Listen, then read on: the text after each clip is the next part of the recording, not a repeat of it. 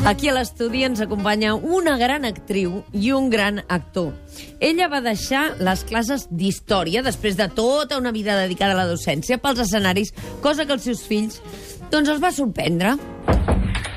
Poco tarde para preguntarle eso, ¿no? No tendrá la conciencia tranquila. Yo sí la tengo. ¿Te duele mucho? Me duele poco. ¿Quieres que te vea el médico? No, no es para tanto. Si vienes personalmente, seguro que es que pasa algo, ¿no? Seguro que no vas a venir solo para preguntarme cómo estoy, como cuando llamas por teléfono. ¿Dónde está ese? ¿Quién? Pues el que te estaba pegando. Que no hay nadie, abuela, que estoy ensayando el papel. Ay, señor, señor, me vais a matar entre todos, ¿eh? ¿Y por qué dabas esas voces? ¿Qué van a pensar los vecinos? Ell sempre ha fet molt de cinema i televisió, però on s'ha deixat la pell és el teatre i ara mateix és el seu principal objectiu. El amor es como el rayo galopando desafío. ¿Qué dices? ¿Qué dices, hombre? Que era para una cosa importante. Y el trabajar no es importante, ¿no? ¿Pero qué trabajar, hombre? Que te toca por la tarde. ¿Me quieres dejar en paz de una vez, Ramón? Déjeme que le dé un consejo. Haga lo que yo. No se meta en política. La política no es lo suyo, ni lo mío. Todos te vamos a llorar. Laura, los chicos, yo, todos. Tots dos comparteixen repa- repartiment a Cuéntame, però si vosaltres no us voleu perdre realment el que és veure l'espectacle d'aquests dos grans del nostre teatre, aneu al Teatre Goya. Maria Galiana, Juan Echanove, benvinguts, bon dia. Bon dia. Bon dia. A veure, um, quan aneu al teatre, al Teatre Goya, a veure Conversaciones con mamà, us sorprendrà que Maria Galiana va enguixadeta, d'acord? Porta un guix al braç. I direu, què passa? Això forma part de l'obra? No, Juan, no forma... O sea, tú no has hecho romperse un brazo No, a María yo no para he que sido. haga Conversaciones con mamá. Podría, podría. Podría haberlo hecho. Sí, sí. Porque el hijo tela. Si estaba en sus planes, podría haberlo hecho, sí. Lo que pasa es que esta vez no estaba en sus planes. Ah, Ahí... ay, de verdad. De verdad. Mira, cuando te quiten la escayola del izquierdo te voy a romper el derecho. No, pero me la puedo quitar rompiéndote a ti en la cabeza. Conversaciones con mamà al Teatre Goya en aquests moments és un èxit de públic que s'ho passa bé, que s'ho passa molt bé, que somriu amb un tema que de, de fons és dramàtic. Juan Echanove y María Galeana, lo que estáis haciendo en Conversaciones con mamá refleja un drama. Sí, bueno, ¿No? claro, de- de- un refleja hijo una que se queda sin situación trabajo, dramática, efectivamente. que va a pedirle ayuda a su madre. Una situación lamentablemente muy reconocible. Sí. Es que ya me gustaría a mí que fuera extravagante lo que nosotros estamos contando, pero es que realmente, es. realmente estamos en una coordenada en la que mucha gente está viviendo. El personaje que yo interpreto es un pobre hombre pusilánime que toda su vida la ha basado en logros económicos y al quedarse en paro su vida se ha ido al garete. La única manera que tiene de salir del paso, sobre todo, es atender a, a las indicaciones de su mujer, de su suegra, diciendo mm, que tu madre te dé la casa, que te dé la casa, que te dé la casa, que se venga con nosotros y aquí va a estar estupendamente ahí en el sótano, hombre. Si tu madre no necesita nada para vivir. Eso es la vida de este personaje.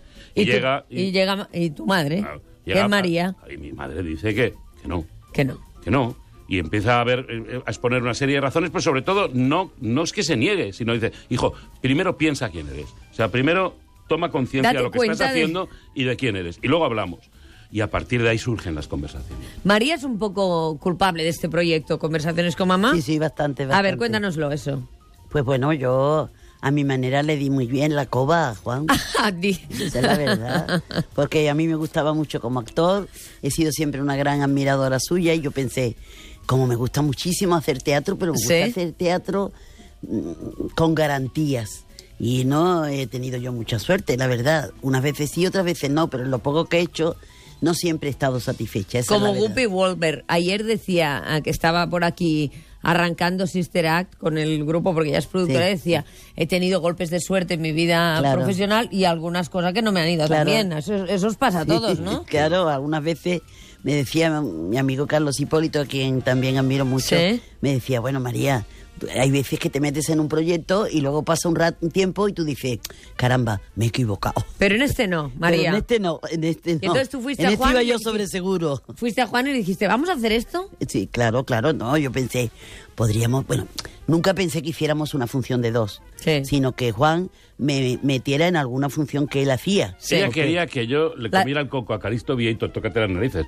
Eh, porque A ver, a ver. fan de, Calisto. Y él ¿Sí? ella lo que quería era, a ver si cuando Calisto haga un montaje y tal, a mí que a ver si me dan un papelito, porque yo quiero. Ella hablaba de un papelito, digo, papelito te vas a enterar.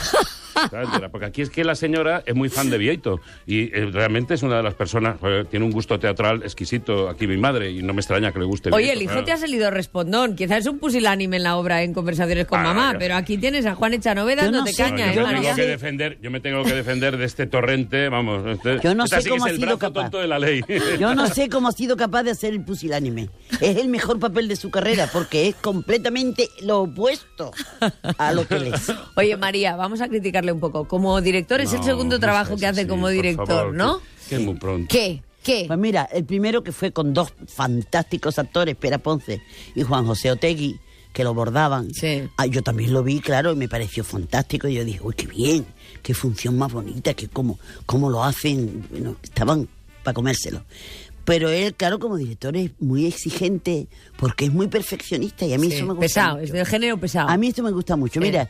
Ayer me parece en el periódico, leí unas declaraciones de, de Robert Duval, que Sí. está haciendo ahora una Sí, función. Drac- bueno, un, perdón, una Sí. película. Drácula. Sí, exacto. No, otra, otra. de- Ah, ¿no? Con un joven.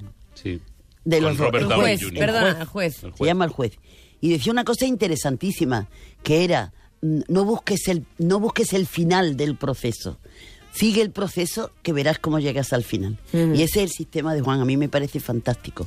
Porque si empiezas a hacer una función pensando en lo que tiene que resultar, casi nunca Mal. se llega bien. Juan, ¿cómo es eso de actuar y dirigirte, no? Porque ah, una cosa es dirigir a esta mujer que yo no sé cómo te lo haces, porque no debe ser fácil, ¿eh? Pero dirigirte a ti mismo, eso es complicado, ¿no? Bueno, eh, tienes que tener una capacidad de ver, de ver, mm, el hacerte chiste, de ver- autocrítica, ¿no? El chiste ese de un tío que está, un tío de Bilbao que está en el monte, Sí. y se encuentra un amigo y le dice, ¿qué haces aquí? dice, aquí contemplando Bilbao sin mí. Dice que es, que es muy bueno, pues eso es, eso es dirigir cuando interpretas. Tienes que tener la capacidad de ver Bilbao sin ti. Entonces tienes que, mm, mm, porque yo, a mí no me gusta grabar, no me gusta el soporte audiovisual, eh, audiovisual en Sí. el teatro, no me, no me aporta nada y además creo que es equívoco. Entonces tienes que, que- que tener confianza, salir de ti, ver el montaje y luego tienes que tener un equipo que sea la bomba. Tienes que tener un ayudante de dirección que sea la bomba, eh, como en este caso. Eh, Chemi Pejenaute, un, un- un director, un director que será director Nobel dentro de poco, pero en todo caso era su primera ayudantía de dirección, la que hacía conmigo, una escenógrafa como Ana Garay, un iluminador como Juan Gómez Cornejo, todo un esquema de producción con un director de producción, porque aquí se una vaya todo. Al final ya fue la tormenta perfecta, fue director, actor y coproductor. Claro. Con lo cual al final, es decir, yo tenía, ya no es que tuviera doble personalidad, sino triple. Y, y dirigir a María, eh, eh, mm, a- a- todos los actores. eh, hay que, hay que entender psicológicamente cómo funcionan, Sí. pero muy a pesar tuyo, muchas veces tienes que hacer cosas que sabes que están molestando al actor porque tienes como que incitar al actor y meterle un corrientazo para que el actor reaccione y en ese momento eclosione y dé lo mejor de sí mismo. Eso, eso, eso es una cosa que afortunadamente lo he aprendido, pues eso, de Calisto, de Pascual, de, de- de todos los grandes directores con los que he tenido la oportunidad de trabajar. Y dirigirme a mí, yo, mira, yo hice una cosa, yo tenía, yo tenía una cierta seguridad en el montaje, pero mi papel, mm, yo tenía, digamos, la partitura hecha ah, para el día del estreno. Pero hasta una semana después no empecé a encontrar los matices. O sea, que vais- a partir de ahí, vais yo- evolucionando, a mí ¿no? me importó muy poco el estreno como actor Ya. muy poco. Es decir, eh, a mí realmente además, ahora me encanta hacer la función y adoro hacer la función, pero yo estaba, estaba enamorado de la dirección del espectáculo. Por Por, lo lo, cual yo dije, yo dije, espérate, Chanove, que ya te dirigiré algún Y día. Echanove, eh, el pusilánime le ha ido saliendo a medida, María, que sí, sí, sí. has ido fabricando al niño, lo has ido educando, ¿no? Bueno, Lo has ido educando. Todavía tengo que corregirle algunas cosas, ya se las diré. Mira, el otro, día, el otro día con Marta Rumagosa, preparando esta entrevista, pensábamos en vosotros i en la obra Conversaciones con mamà, perquè afortunadament nos estamos riendo perquè tenir l'oportunitat de tenir dos grans del teatre i del cine aquí al meu costat, amb aquest bon humor i aquesta franquesa és un luxe. Ah, hablábamos de que acababa de aparecer un informe en el que se decía que un 11% de la gente mayor está ah, de algún modo siendo maltratada por sus hijos. Es decir, que tenemos un problema social detrás de esta obra muy grave que está afectando a la gente, a la gente mayor por los cuidadores o por los hijos. Y eh, hace cuatro días tenía yo aquí una mesa redonda con un chaval que admitía que había estado maltratando a sus padres y estaba en tratamiento, ¿no? O sea, estamos delante de un tema mm, socialmente muy grave. A ser capaces de reíros, pero a la vez trasladar ese drama, esa es la, la clave de conversaciones con mamá, ¿no? Galcerán. resumen, Galcerán. Jordi Galcerán. Claro, porque Galcerán tiene un conocimiento de la platea y tiene una, un- una carpintería teatral que puede conectar toda esta importante situación y este importante drama que, que- que- que vive la sociedad en una clave de comedia y de una comedia romántica que haga al final a la gente la conmueva, que le haga reír y le haga llorar. Sí, Y eso es, eh, eso es lo que nos permite a nosotros abordar una- unos temas de mucha actualidad y muy candentes, eh, eh, pero, pero de una forma muy normal, como se hace en, el- en la cocina de una casa, como hace una madre y un hijo, es decir, dentro de la normalidad de sus vidas, de lo que atañe a la normalidad de sus vidas. ¿no? Yo creo que eso es un gran parte del, del éxito de la función. De, de lunes a miércoles juntos, cuéntame. Y ahí buen rollo, ¿no? Sí, pues, Sí. no- nos Allí bien, María. Bueno, Y luego, pam, teatro. si tienes en cuenta que nos levantan a las 6 de la mañana, Por- pues yo creo que ni hablamos. Pero eso quiere decir que estáis todo el día juntos ahora, ¿no? Vosotros dos. No siempre, porque en Cuéntame generalmente no coincidimos. No coincidís, O sea, claro. yo con el hermano de mi yerno No. tengo muy poco que ver. Y además él tiene unos líos amorosos especiales con mujer Tiene que unas actividades, ha divorciado. dado por liarme a mí con todo lo que se me Sí. vea. Yo, yo ¿Y qué más quieres, Juan? Oye, yo encantado, pero, Juan, pero y- nada más lejos de, Oye, de mi vida. Yo es piensa increíble, que yo claro. conozco luego, a muchos luego yo que les llego- encantaría eso, Hombre, por Dios, ¿eh? pero yo, O sea- luego, yo luego llego a la vida real y... Y no soy pasa. una- hombre, yo tengo mi chica y tal. Y, y- Vida y tranquila, una vida, vaya. Una vida tranquila, Claro. pero soy muy buena persona. Yo. A ver, y, y luego cuando estáis en Barcelona hacéis la obra y supongo que salís porque aquí tenéis amigos seguro y estáis aquí ah, pasando esta, esta Yo si no viviera en Madrid seguramente habría vivido en Barcelona. Mm. Porque el otro día le decía a María, de repente me he puesto a pensar y he trabajado en más teatros en Barcelona que en Madrid. Casi todos los directores con los que he trabajado son catalanes. Eh, la influencia que yo tengo claramente viene del Teatro Ayura. Generalmente, vamos, es decir, yo creo que, que para mí la, la- la- la comunicación con Luis Pascual y con Fabián Puigcerver, por supuesto, eh, en su momento, pero, pero para mí el Yura de Gracia ha sido un punto de referencia brutal. Eh, Calixto Vieito ha sido un factor enormemente determinante en mi vida. José María Flotats es seguramente también un, un- un- un hecho en mi vida teatral que me ha formado. Es decir, mi formación es catalana. Yo, yo, es así. Entonces, si no hubiera vivido en Madrid, en Madrid vivo pues porque, por- porque es muy incómodo hacer una serie de televisión y vivir en Claro. Barcelona, aunque haya AVE.